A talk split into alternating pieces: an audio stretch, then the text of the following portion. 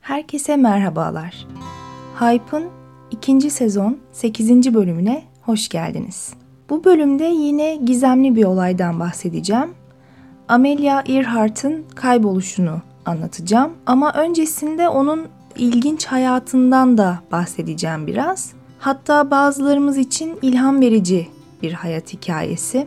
Amelia Earhart ismini daha önce duydunuz mu bilmiyorum. Ama kendisi Atlantik Okyanusu'nu uçakla geçen ilk kadın pilot olarak tanınıyor. 1897 yılında e, Kansas, Amerika'da dünyaya geliyor. Çocukluğundan itibaren maceraya, e, heyecan verici şeyler yapmaya merak duyuyor ve hiçbir zaman yaşıtları kızlar gibi hanım hanımcık büyütülmüyor. Amelia çocukken bir hobi ediniyor. Gazete kupürleri biriktirmeye başlıyor kendince ee, ve özellikle de başarılı kadınlarla ilgili haberleri biriktiriyor. İlk uçuşunu 7 yaşındayken gerçekleştiriyor. Evlerinin yanındaki garajın çatısına e, el arabası gibi e, tekerlekli bir kutu yerleştiriyor ve böyle kanatsız bir uçakla çatıdan aşağı bırakıyor kendini. 10 yaşındayken ailesiyle birlikte bir fuara katılıyor ee, ve orada hayatında ilk kez bir uçak görüyor. Ama ilginç bir şekilde hiç dikkatini çekmiyor bu uçak. Paslı çivilerden ve tellerden yapılmış bir şey diyor uçak için. 1917 yılında e, Birinci Dünya Savaşı sırasında askerlerin ne kadar zor durumda olduğunu görüyor ve çok etkileniyor bu durumdan Amelia. Bu yüzden hemşire olarak çalışmaya karar veriyor fakat 1918 yılında tıpkı günümüzde olduğu gibi bir pandemi ortaya çıkıyor.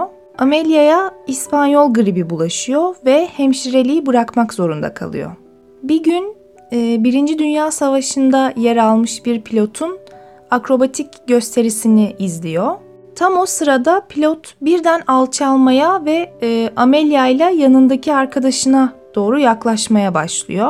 O kadar çok yaklaşıyor ki Arkadaşı koşarak kaçıyor ama Amelia olduğu yerde durmaya devam ediyor. Uçak tam yanından geçince Amelia o kadar etkileniyor ki artık kesinlikle uçmak istediğine karar veriyor. Sonra bir şekilde bin dolar topluyor ve ilk uçuş derslerini almaya başlıyor.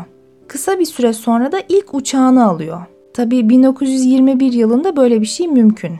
Uçağının ismini de Kanarya koyuyor. Çok azimli bir pilot olduğu için e, kısa sürede ilkler gerçekleştirmeye başlıyor.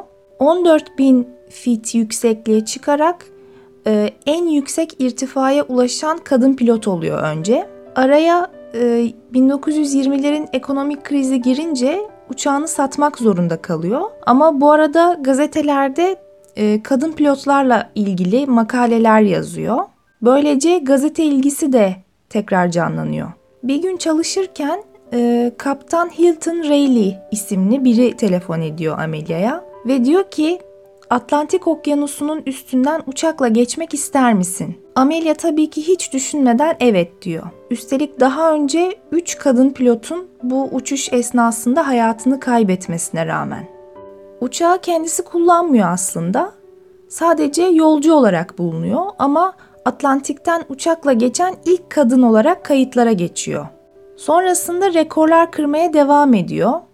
Uçakla Kuzey Amerika'nın üstünden geçiyor. Ee, tekrar irtifa rekoru kırıyor ve Atlantik Okyanusu'nu sadece bir yolcu olarak değil, pilot olarak da geçmeyi başarıyor. 1937 senesinde Amelia e, artık yapmak istediğim tek uçuş kaldı diyor e, ve uçakla dünya turu yapmak için hazırlanmaya başlıyor. Hikayenin gizemli kısmı da tam burada başlıyor. Haziran ayında dünya turuna çıkıyor Amelia. Ee, yanında da yardımcısı Fred Noonan var. Yolculuklarının büyük bir kısmını başarıyla tamamlıyorlar ama Pasifik Okyanusu'nu geçmeye çalışırken bir sorun oluşuyor. Aslında Pasifik üzerindeki Howland e, adasına iniş yapmayı planlıyorlar.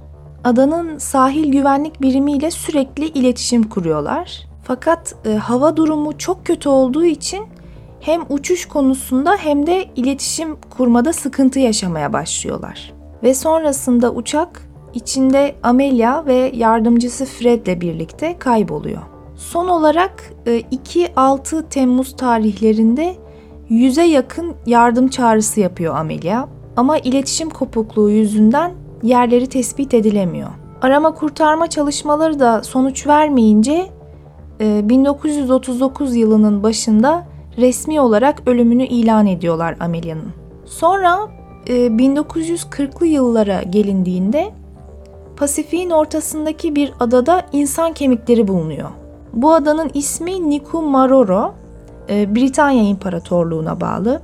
Kemikler ilk bulunduğunda bir erkeğe ait olduğu düşünülüyor ve Amelia'nın olma ihtimali üzerinde durulmuyor.